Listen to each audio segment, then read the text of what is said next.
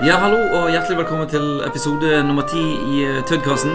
Her sitter jeg sammen med Frode og med Dag. Um, Det er jo egentlig Tom som eh, har ansvaret for eh, org og org 2 og etikk denne uka her, men han er i Sør-Afrika. Har vært et gjesteforeleser og sånne ting, så det blir bare oss tre. Um, vi eh, Ja, jeg lurer på om jeg skal bare starte med å fortelle om uken som har gått i strategifaget. Så det som eh, nå er, Vi nærmer oss eh, et eller annet eh, si, høydepunkt eller en slags konklusjon i faget sånn faglig allerede, selv om vi ikke kom til påske. Det som vi har snakket om nå forrige uke og denne uken her, det er strategisk analyse og strategiske valg. Så det som, det som har skjedd denne uken her, det er at vi har tatt ferdig siste delen av internanalysen som gikk på da analyse av ressurser og eh, vrioanalyse. Ja, så i utgangspunktet dette her med ressurser, så er det viktig eh, Hvis ressurser skal være et konkurransefortrinn for en bedrift, så må de være sjeldne. For hvis alle har akkurat de samme bedriftene, eh, akkurat de samme ressursene, så kan ikke de brukes til å skaffe konkurransefortrinn. Ehm, vi har snakket også om at uh, ofte så er ressurser homogene. Nei, heterogene, eh, selvfølgelig. Det betyr at uh, en, uh, et jordstykke er ikke like verdifullt som et annet jordstykke med samme areal. Sånn, Noen plasser gror det gode poteter, andre plasser gror det ikke poteter. Um, og det samme kan vi òg ha med, med ansatte, og for så vidt sånne ting som organisasjonskultur og, og de tingene der. Uh, vi snakket om um, hovedtyper ressurser, som er da finansielle ressurser, eh, som er eh, økonomien til selskapet. Vi snakket om eh, eh, fysiske ressurser, som er da bygninger, anlegg og sånne ting. Vi snakket om eh, menneskelige ressurser, som er da de, eller kompetansebaserte ressurser, som er da mennesker som jobber i organisasjonen. Og så har vi snakket òg om sånne relasjonsbaserte ressurser, som er relasjonene som eh, den bedriften har til både de ansatte, til eierne, men òg til eh, kundene sine. Sånn at eh, dette med merkevarer og sånne ting, det er en del av eh, de, her eh, eh, relasjonsbaserte ressursene. Så det som vi eh, har sett på, det er å prøve å finne ut hvordan kan vi eh, vurdere om en ressurs har et, et et bidrar til konkurransefortrinnet eller ikke. Og til det så har vi brukt denne VRIO-modellen. Så for hver bokstav i VRIO så er det et eh, kriterium for å vurdere en ressurs. Så hvis den første Hvis ressursen er verdifull, så eh, får den på en måte ja, eller sånn avhuking på, på V for verdifull. Og det betyr at da stiller du likt som alle de andre. Sant? Hvis du har den eh, samme like gode sykkelen som alle de andre, så stiller du på en måte likt. Og gir ikke sykkelen deg noe konkurransefortrinn. Du er jo glad i sykling, eh, Dag. Eh, ja, Ja. eh, ok. Ja. Eh, Har ikke, um, har ikke Øyvind har han fem sykler, eller er det fem kajakker? Eller har det er, han det er kajakker. Han, har- han, har- Ok. han har en del sykler med kajakker. Han har aldeles avsindig mange. Tror- ja. Så hvis han skulle da konkurrere, da, så ville han, han hatt et fortrinn fordi han har en kajakk ut ifra uh, alle slags ulike uh, eh, si, vær- og vindforhold som han skulle ut og padle i. Men hvis han hadde hatt den samme kajakken som alle andre, så ga vi ikke noe konkurranse, konkurransefortrinn. Det er mulig at dette blir avsporing, men han, han refererer også til det som et dilemma, for han må alltid ta stilling til hvilken han skal velge. Ja, det er faktisk et godt poeng. Ja. Så hvis du Det er mulig det var avsporing i forhold til ditt. Ja. Ja. ja. Nei, egentlig ikke. Det er, men eh, det, for det kommer vi faktisk til senere. Så eh, at den er verdifull er, er viktig. Den første er at eh, den er sjelden. Så hvis du har en ressurs som er sjelden, som ikke alle i utgangspunktet lett kan få tak i, så er det noe som bidrar til at eh, du har et konkurransefortrinn i forhold til, eh, forhold til andre. Så hvis det er en knapp ressurs, eller hvis det er en veldig dyr ressurs, så er den eh, sjelden. Og så Den tredje eh, vurderingen av ressurs det er om man er imiterbar. Det er på en måte i-en. Kan du bruke en annen type ressurs eh, som eh, Eller kan noen andre bruke en annen type ressurs enn det du har, og likevel oppnå de samme resultatene? Så hvis det går an, så er han imiterbar, og da eh, gir han deg ikke Da gir han deg et måte, potensielt eh, fortrinn, men ikke et sånn absolutt fortrinn. Men hvis derimot alle disse tre er, er, er, er inne, verdifullt, eh, sjeldent og eh, vanskelig å imitere, så har du et poten- potensielt langsiktig konkurransefortrinn. Sant? Da, da yter den ressursen, sånn økonomisk sett, da yter den ressursen bedre. Eh, da yter den over gjennomsnittet. Og så, hvis vi kommer tilbake til, så til den siste O-en i denne VRIO-modellen, det går jo på om hvorvidt bedriften er organisert på en sånn måte at de klarer å ta ut verdien som er i den bedriften. Så hvis eh, Øyvind er sånn at han klarer å velge rett kano til rett forhold hver gang, da har han fått på en måte inn O-en i, i Vrio-modellen. Sant? Da klarer han å utnytte den der eh, kanoen. Men hvis han har, eh, hvis han har eh, det her utvalget med kano- kanoer, og de er sjeldne og vanskelig å invitere og sånne ting eh, Mens fram til nå så har ikke han klart å ta de rette valgene i forhold til hvordan han skal bruke kanoen. Da har du på en måte et eh, potensielt langvarig eh, konkurransefortrinn. Og i forhold til strategi så bør da eh, strategien til Øyvind være at han eh, øker sin egen kompetanse i å velge den rette eh, kajakken. Du sier kajakk og ikke kano, sant? Det er kajakk. Det er kajakk. Eh, så, så da har han strategi. Ok, her har vi, her har vi eh, gull som vi ikke har klart å utnytte ennå. Derfor så må strategien vår være å bli flinkere til å utnytte det gullet som, eh, som vi har. Det, det som vi har sett på etterpå, det er da å bruke en SWOT-modell for å finne ut eh, eh, For å oppsummere både de eksterne analysene som vi snakket om forrige gang, og de interne analysene. Så det som vi gjør da, det er å finne de tre-fire viktigste eh, mulighetene og truslene fra eksternanalysen. De tre viktigste styrkene og svakhetene fra internanalysen. Og så prøver vi å, å matche de for å se om, eh, å se om, eh, om det går an. Så det ene eksempelet som jeg har brukt, det er jo eh, Tide. Som eh, har ikke så god økonomi, men de har veldig god soliditet. Og hvis, de, noen, en, hvis en bedrift er veldig solid, hva kan du gjøre da, Dag? Hva vi kan gjøre da? Da har vi et handlingsrom til å investere og Nemlig. Yes. Så det at, eh, det at de er solid, betyr at de har et handlingsrom å investere. Eh, en ting som eh, er en sånn mulighet nå, det er jo at eh, pga. valutakursen så er det en økt eh, tilstrømning til mer turister til Norge. Så hvis vi måtte matche den, eh, den eh, styrken som vi har med soliditet, med den muligheten som eh, de har til å eh, vokser omsetningen i eh, turistmarkedet med å kjøre turistbusser, så har du på en måte fått avdekke en, eh, et mulig strategisk eh, satsingsområde eh, ved, å, ved å se de opp mot en annen. Så denne prosessen med å velge strategi, da tar du egentlig går igjennom punkt for punkt de her styrkene og svakhetene, og ser de eh, egentlig sånn systematisk opp mot eh, muligheter og trusler som finnes i omgivelsene. Diskutere det rundt og, og, og prøve å, at det staker seg ut i en retning som du skal, eh, skal gå i. Men, men det å kjøre turistbuss, er ikke det ganske lett å imitere? Det er ganske lett å imitere. Ja. Mm. Så det, det undergraver litt av mulighetene. Ja, du, det Det er er det som kalles konkurranse på, på, Ja. på vanlig økonomispråk. Ja. mm. Mm. Så det, men det, også, men det å, å, å vokse der og gjøre den delen av selskapet mer effektivt kan gjøre at de kan eh, vokse litt inn, innenfor det. Det kommer an på konkurransen, selvfølgelig. Så det er flere ting som spiller inn. Men de to analysene skal i hvert fall gi en sånn oversikt over hvordan eh, Hva slags muligheter en, en, en måte å utforske de mulighetene som finnes til å, å velge en strategi.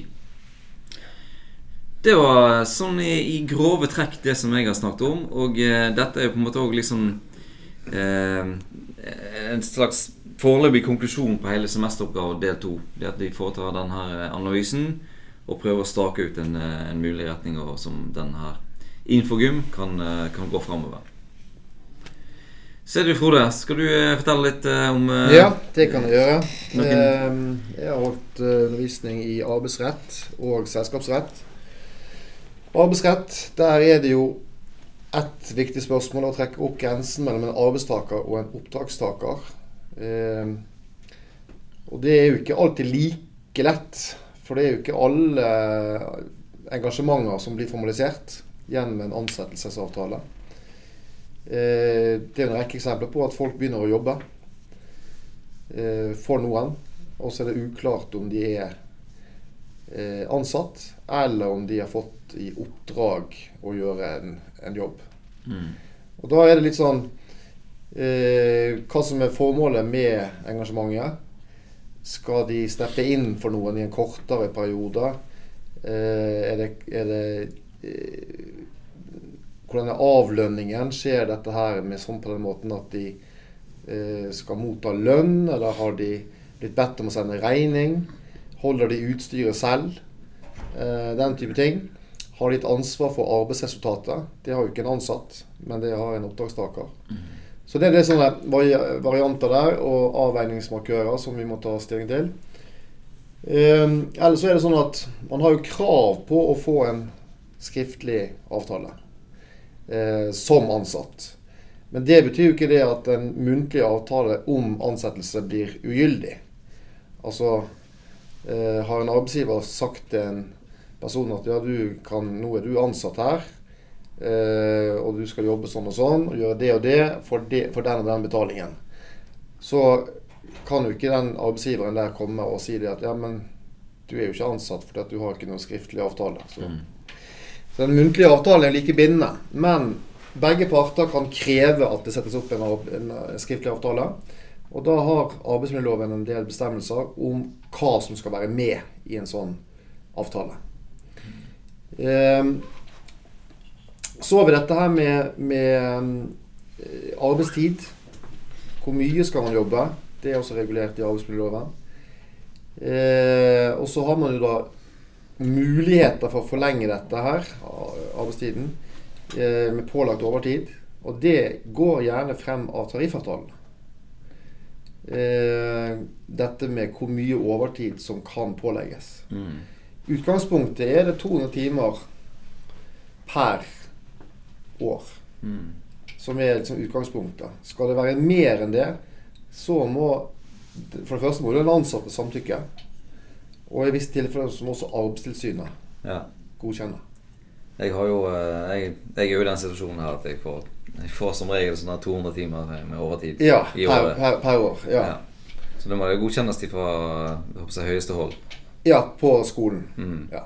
Men, men kan ikke du som arbeidstaker nekte overtid? Eh, da, det er litt avhengig av hva som står i arbeidsavtalen. Ja. Eh, litt avhengig av hva som står der.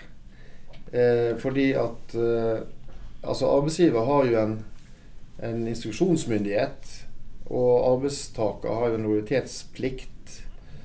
Så det er litt avhengig av hva som står i, i avtalen. ja. I he- helsevesenet mener jeg de har en sånn beordringssak. Men, Ja. da, men det utløser en veldig mye høyere betaling. Da. Det er riktig. Ja. Og, og det er også sånn at uh, det er en dom på at det var noen sykepleiere som var De var ansatt for nattskift. Mm. Og så påla arbeidsgiver at de skulle jobbe på dagtid i en periode. Og det nektet de. Eh, og saken gikk helt opp til Høyesterett, og de fikk medhold. De kunne ikke bli pålagt å jobbe dagskift så lenge det ikke det fremgikk av arbeidsavtalen. Mm. For at den satte rammene for det. Eh, så har vi dette her med eh, oppsigelse og avskjed, som er et sentralt tema i eh, arbeidsretten. Noen grupper er jo på en måte vernet mot oppsigelse. Altså hvis man er sykemeldt. Eh, og hvis man er sykemeldt i inntil ett år, så for, Hvis man får en oppsigelse i den perioden der, så skal det presumeres at det er sykdommen som, som er grunnen til oppsigelsen. Altså det legges til grunn at det er sykdommen som er fraværet, som er sykefraværet, som er grunnen til oppsigelsen. Og det er ikke en saklig grunn. Eh, men hvis arbeidsgiver klarer å dokumentere at det er andre forhold som er den reelle grunnen til oppsigelsen, så kan man bli sagt opp. Av den grunn. Eh, og så har vi dette her med at det er noen bransjer som sliter med at det er en del langtidssykemeldte. Restaurantbransjen f.eks. Eh, byggebransjen er også, har slitt litt med det. Med, med folk som er langtidssykemeldte. Og det som skjer da, er jo at disse arbeidsgiverne må ha inn midlertidige ansatte eller altså ansett vikarer for de som er langtidssykemeldt. Og så blir det usikkerhet fordi at de kan jo komme tilbake igjen plutselig, og da blir disse her vikarene de blir jo da de, de kontraktene blir da terminert. Mm. Så det er en del sånn Knytter seg en del ting til dette med eh, sykefravær i Norge. Det knytter seg også en del usikkerhet og, og, og ting og tang som man kan man, eh, Som Ikke alle er like happy med når det gjelder sykelønn i Norge. Eh, er ikke, men roper man litt på det, så kommer jo LO frem. Da kommer LO, og de er veldig striks på dette her med at er man syk, så skal man ha 100 Mm. um, Det, det er jo en stadig debatt. Da, Det er en stadig nå, debatt. nå, nå vi har karensdager. Ja, ikke sant? Sant? For det, Ja. de har, det er litt for mye mange som er syke mandag og fredag. Det er det. Ja. Og det, Det det blir sånn. noen dager uten lønn før du får lov til å ta ut sykelønn. Ja, Ja. det kan man tenke seg. Hmm. Jeg, har- jeg har et spørsmål til litt i forhold til eh, det her med ansettelse. Vi har jo eh, i, eh, Vi har jo på en måte sett litt på tide i, eh, i det strategifaget. Ja. Og de har ca. De har ca. 25% som er på en måte på ringevikarer og timeansatte og sånne ting. ja. Og det slår meg som et veldig høyt tall.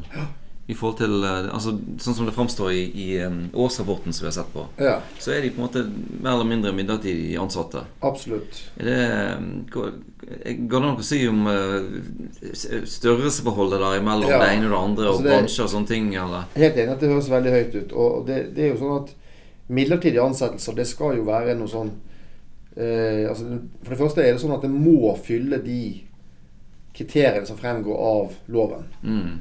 Eh, Paragraf 14-9 i loven. De har en del sånne grupper med når er det lov å ansette midlertidig. Mm. Utgangspunktet er det at alle skal være fastsatt, fast ansatt. Mm. Eh, og det kan jo ha ulike brøker, altså stillingsbrøk. Mm. Men er de midlertidig ansatt, eh, så skal de være vikar for noen andre. Mm. Så stand-in for noen som er sykemeldt, eller som er i permisjon, eller på annen måte er fra- fraværende på jobb. Mm. Eh, og så har man en del andre sånne stillinger. Turnuskandidater, f.eks. Mm. Leger, eh, dommerfullmektiger. Eh, den type ting som er på en sånn turnusordning. De kan bli midlertidig ansatt. Eh, folk innenfor idrettslivet. Dommere og Mm. fotballspillere, håndballspillere og den slags. De blir midlertidig ansatt.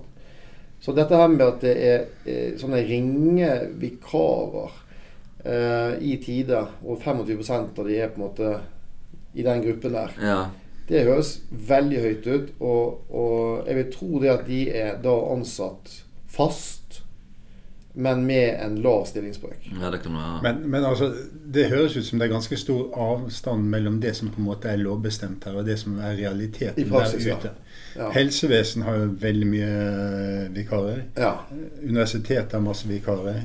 Ja. Du har hele dette med bemanningsbransjen som eh, ja. hvor de skulle, så og så mange måtte ha fast ansettelse, og ansatte de i fire timer i uken eller noe sånt. Mm. ja. Altså, det, det, det omgås jo over en lav skole. det. Det, det, det, gjøres. Men, men sant, vikarer er jo greit, for det er jo da den ene gruppen der som er lovlig. Ja. Så er de ansatt som vikarer for noen andre, så er, så er det lov. Ja. Eh, og så har man selvfølgelig sesongarbeidere. Sant? Tenk på folk som blir ansatt under lofotfiske, eller som skal plukke jordbær om sommeren, mm. eller være, være ekstravakt i- like før jul i, mm. i varehandelen. Eh, det er jo selvfølgelig også eh, tillatt.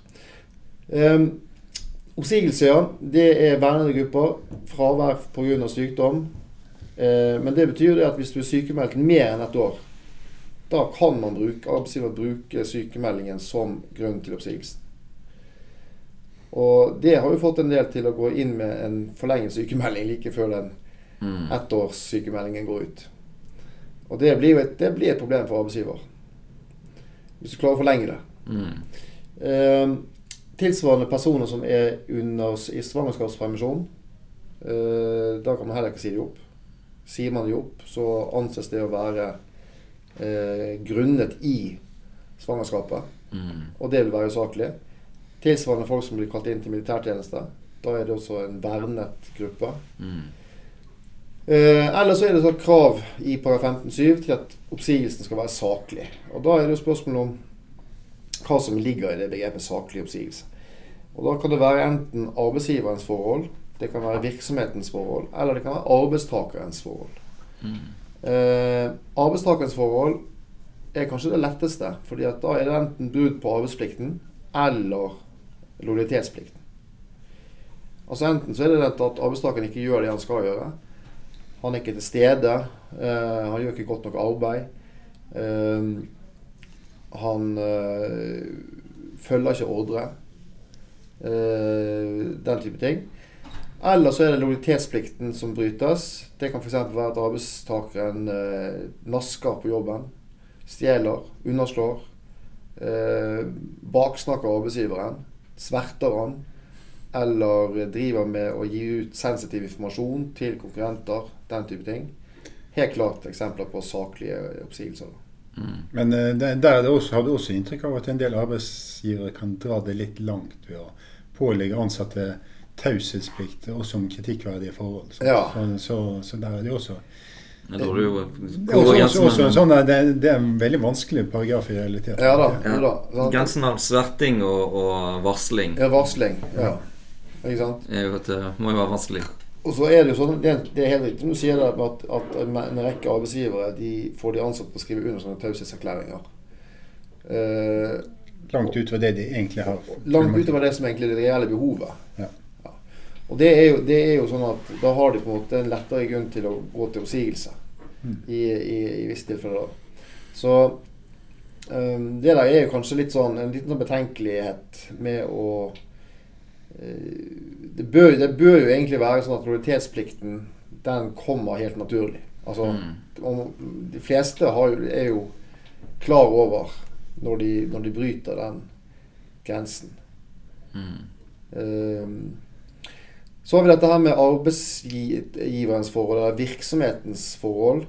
Det er jo det at hvis det er, bedriften går dårlig, så kan man liksom ikke Man kan jo ikke kreve at man skal være i båten helt til den går til bunns.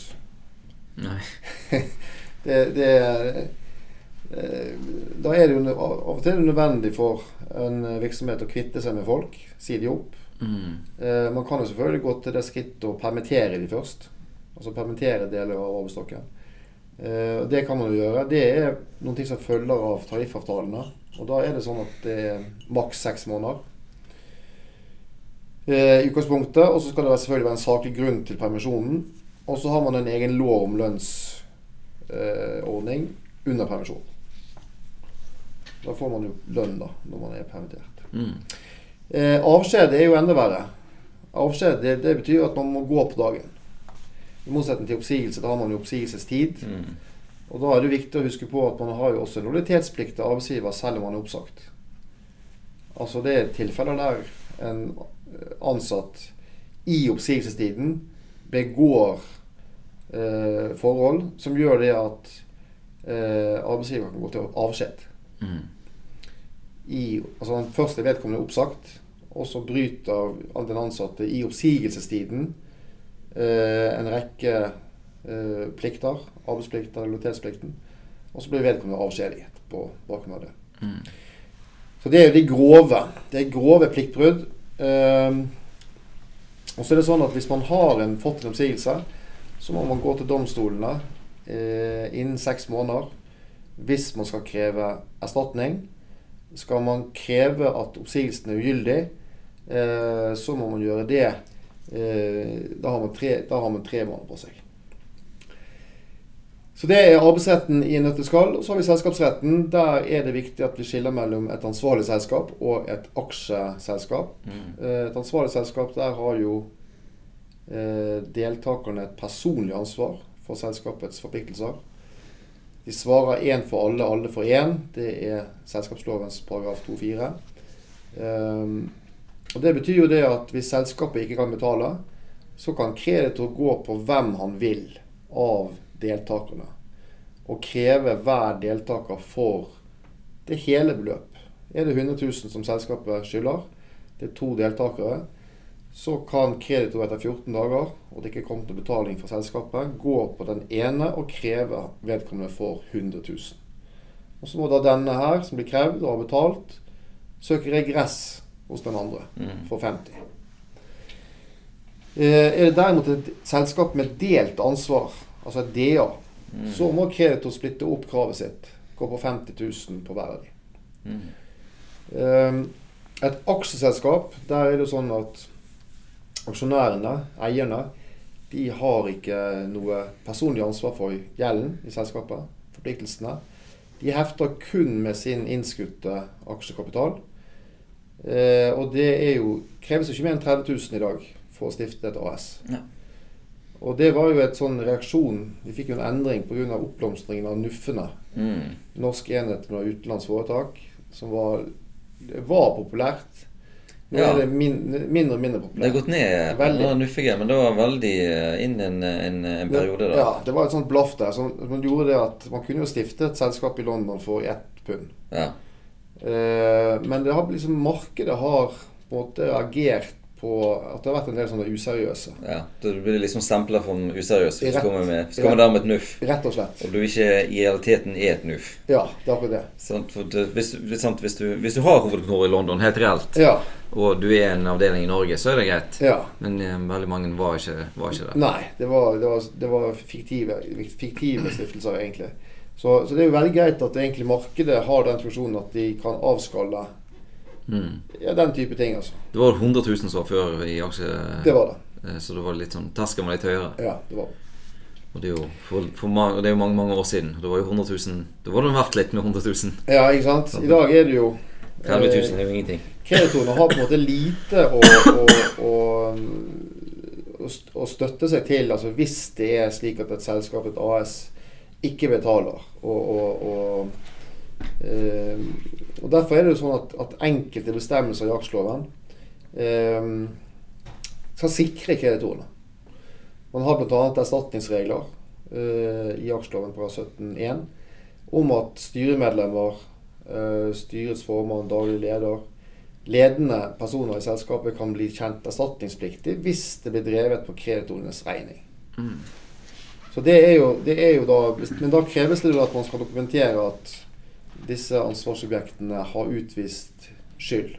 Altså de må ha utvist grov uaktsomhet eller forsett for å bli erstatningsansvarlig. Mm. Jeg har satt meg litt inn i Jeg har lest litt, med, litt opp på sånn styregreier sånn i det siste, og jeg har sett at uh, i Europa i hvert fall, så er det en god del sånne styrer som blir saksøkte fordi at uh, de følger ikke med i timen i forhold til slett digitalisering og, og, og ta ansvaret for å, eh, å sjekke at selskapet går i, i riktig retning. Ja, det er Og riktig. antageligvis er det vel det der er sånt som kan også komme til Norge, antageligvis. Eh, for det er no- noenlunde sånn synkrone regler liksom i, Ja, det i. Norge og EU på de tingene der. Det er det. Så hvis du, hvis du som styreleder har sittet og sett på, og alle systemene dine er blitt gamle, og ikke investert i noe nytt, og ikke Det her med datasikkerhet sant? Det er jo blitt veldig sånn eh, altså det er jo nå, nå regner jeg med at Hydro er gode på datasikkerhet. Ja. Men det der kan fort eh, felle en, eh, en styreleder eller folk i styret hvis det viser seg at de ikke har god nok oversikt om uh, hvordan Det eh, selskapet behandler dataene. Det, det er riktig. Så det um, Så det er et ansvar. Um, ja. Og så var det to sentrale bestemmelser som jeg vil peke på til slutt. Det er dette hvis noen i selskapet I et ansvarlig selskap så er det jo egentlig deltakerne som representerer selskapet utad. Altså tegner firmaet, som det heter. Inngår avtaler med medkontrahenter. Eh, for det er ikke noe krav om at et ansvarlig selskap skal ha et styre. Hvis de har styre, så er det styret som representerer selskapet utad. Eh, hvis de har daglig leder Det er heller ikke noe krav om at et ansvarlig selskap har daglig leder. Eh, hvis de har det, så er det daglig leder som representerer selskapet i den daglige ledelsen. Så det, selskapsloven fra 1985 er egentlig bygget opp som en slags nærmest en sånn pick and choose-opplegg, der du kan egentlig skreddersy hvordan du selv vil ha det. mm, Men det er jo sånn at du er personlig ansvarlig. Ja. Og Det betyr at man skal være veldig varsom med å velge ut hvem man ønsker å gå inn i et ansvarlig selskap med. Mm. Altså Det bør være personer man samarbeider godt med, og så bør de være solide personer med hensyn til økonomi, eh, og at man kan stole på dem. Mm. Jeg hadde jo sånn eh, ANS med, med et av de bandene som jeg spilte i. Ja, Så da hadde, på en måte, da hadde vi felles, eh, felles ansvar nettopp. for de. Men eh, hadde vi vi satte oss jo aldri i gjeld. Nei. Så det gikk- gikk med egentlig forpliktelse. sant? Mm. Jeg var begrenset med forpliktelse. Ja. Det, men det var en ja, Det var en måte å få formalisert det som et selskap, iallfall. Ja. Og, og mm, regnskap og kostnader og alle de tingene der. Nettopp. Og så er spørsmålet hva skjer liksom med de avtalene hvis det er inngått en avtale der en person som da eh, representerer selskapet, har gått utenfor det som vedkommende har rett til å gjøre. Altså utenfor sin kompetanse. Blir den avtalen da bindende for selskapet? Og det er løst eh, Det er løst relativt likt i selskapsloven og i aksjeloven. Eh, Da er det henholdsvis paragraf 222 og 633 som sier det at det spørs om medkontrahenten er i aktsom god tro eller ikke. Okay. Er vedkommende i aktsom god tro, så blir avtalen bindende for selskapet. Og Da er spørsmålet hva hvis det er registrert i foretaksregisteret noen ting om hvem som kan inngå avtaler på vegne av selskapet. Mm. Krever man da at vedkommende har sjekket de opplysningene for å kunne være i, eh, i akt som god tro? Og Det er litt sånn situasjonsbestemt. Altså Det er avhengig av om Er det f.eks. styret da, eller styrets leder som har gått utenfor de eh, på en måte fullmaktene som vedkommende styr, styreleder har, så kan det være veldig vanskelig for vedkommende medkontrahent å kunne sjekke det. Mm. Ehm, men hvis det er f.eks. en daglig leder som har gått utenfor det som tilligger på en måte den daglige ledelsen eh, Altså Den daglige ledelsen det er kjøp av kontorrekvisitter. I den størrelsesorden. Så Hvis daglig leder i et firma eksempel bestiller en luksusbil, firmabil, så bør det selvfølgelig ringe en bjelle hos, hos medkontrahenten. Har virkelig denne daglige lederen en, en fullmakt eller en kompetanse til å inngå en sånn avtale. Mm. Eh, og så lenge det begynner å ringe en bjelle, som det heter, så bør vedkommende sjekke Mm. opp Mm. med selskapet og sjekke i Brønnøysund. Mm. Eh, og hvis ikke vedkommende gjør det, og inngår avtalen, så kan ikke vedkommende sies å være i akt som god tro. Mm. Og Da blir den avtalen ikke bindende for selskapet. Så jeg ser Når jeg snakker med, med banken og for denne eh, selskapet som jeg er styreleder i, så Ja. sånn, da sjekker de Å ja, ja, du har signaturrett. Ja, Da er det greit. Det er sånn, Ja. det, de har det liksom oppe, og det er inne i rutinen. det er riktig. Ja, men altså Store selskaper så må jo daglig leder ha mye videre fullmakter enn det der. Jo, videre fullmakter. Eh, fordi at det er snakk om eh, Altså det er mer kapital i et større selskap. Eh, men det vil likevel være I et AS så er det styret som inngår avtaler på vegne av selskapet. Eh, eventuelt styrets leder. Eh, dette kan jo avgjøres da i, av selskapet selv. Så den daglige lederen i et AS skal også kunne altså, i utgangspunktet håndtere kun det som har med den daglige ledelsen å gjøre. Og det tilhører ikke den daglige ledelsen å kjøpe inn en firmabil til en million kroner, f.eks. Altså det, det ligger utenfor. Da er det styret som må inn. Det må jo være et spørsmål om størrelsen på selskapet. må ikke det? Ikke bare. Altså, Hydro, Hydro kan jo ikke drive og styre for, man kan jo ikke løpe rundt og skrive under på Nei, De har jo gjerne en innkjøpsansvarlig. sant? Ja. Ja, de har jo funksjoner, delt opp i funksjoner. Og da er, da er det igjen sånn at de kan registrere dette her i, i, i Bønnesund. Eh, og at det f.eks. er innkjøps, kun innkjøpsansvarlig som kan inngå den type avtaler. Mm. Og da kan de, da kan de regulere det og, Ja. og få det registrert. Og Da er spørsmålet hva hvis da den daglige lederen dukker opp og sier hei, hei, jeg skal kjøpe på vegne av Norsk Hydro inn denne her eh, Jaguar L-bilen. Eh, på vegne av Norsk Hydro. Mm. Og da er spørsmålet skal, skal da den medkontrahent kunne sies å være i akt som god tro uten å verken ta kontakt med noen i styret, styrets formann, eller sjekke i Brønnøysund om denne personen, denne daglige lederen, har den kompetansen eller ikke.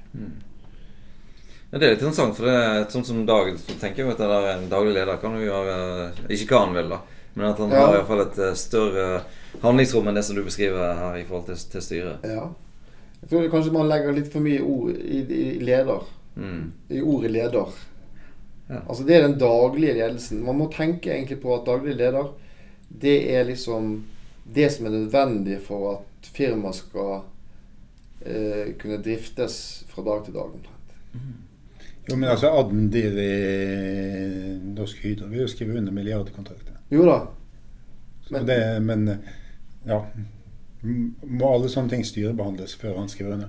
Nei, og, og det er ofte sånn at styret kan, kan utstede fullmakter til, eh, til personer. Eh, men poenget er jo at hvis det er noen som har gått utenfor sine grenser, Ja. eh, så er spørsmålet hva krever man av denne personen som sitter på andre siden av bordet? Skal vedkommende kunne bare si det? Ja, men det er jo daglig leder jeg har inngått avtale med. Mm. Eh, og da må jo alt være i, i den skjønneste orden. Men, men du kan jo ha tilfeller hvor folk har fullmakter, men misbruker det. Ja da. Mm. Sånn, Så vi, Broren min er innkjøpssjef, og jeg skal ha en tomt som jeg ikke får solgt. Så Ja. lager jeg en avtale, så kjøper han til langt over markedspris. Sant? Ja. Mm. Og da, da, da regner jeg med at det er lover som rammer det også. Det gjør det. Mm. Det finnes ikke grenser for den menneskelige kreativiteten når det gjelder det å krave til seg penger. Ja.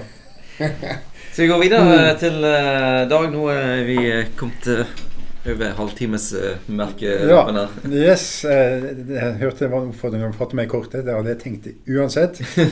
Yes, Så nei, eh, vi, vi har liksom Før jeg tok over stafettpinnen, så har vi liksom bygget opp et sånt langt resonnement om risiko. Og skilt mellom det som vi kan kalle for re, relevant risiko og irrelevant risiko. Sant? Det som kan, du kan kvitte deg med ved å diversifisere, og det som du på en måte aldri noen må bære. Sant? Som ikke blir kvitt. Som er sånn systemrisiko.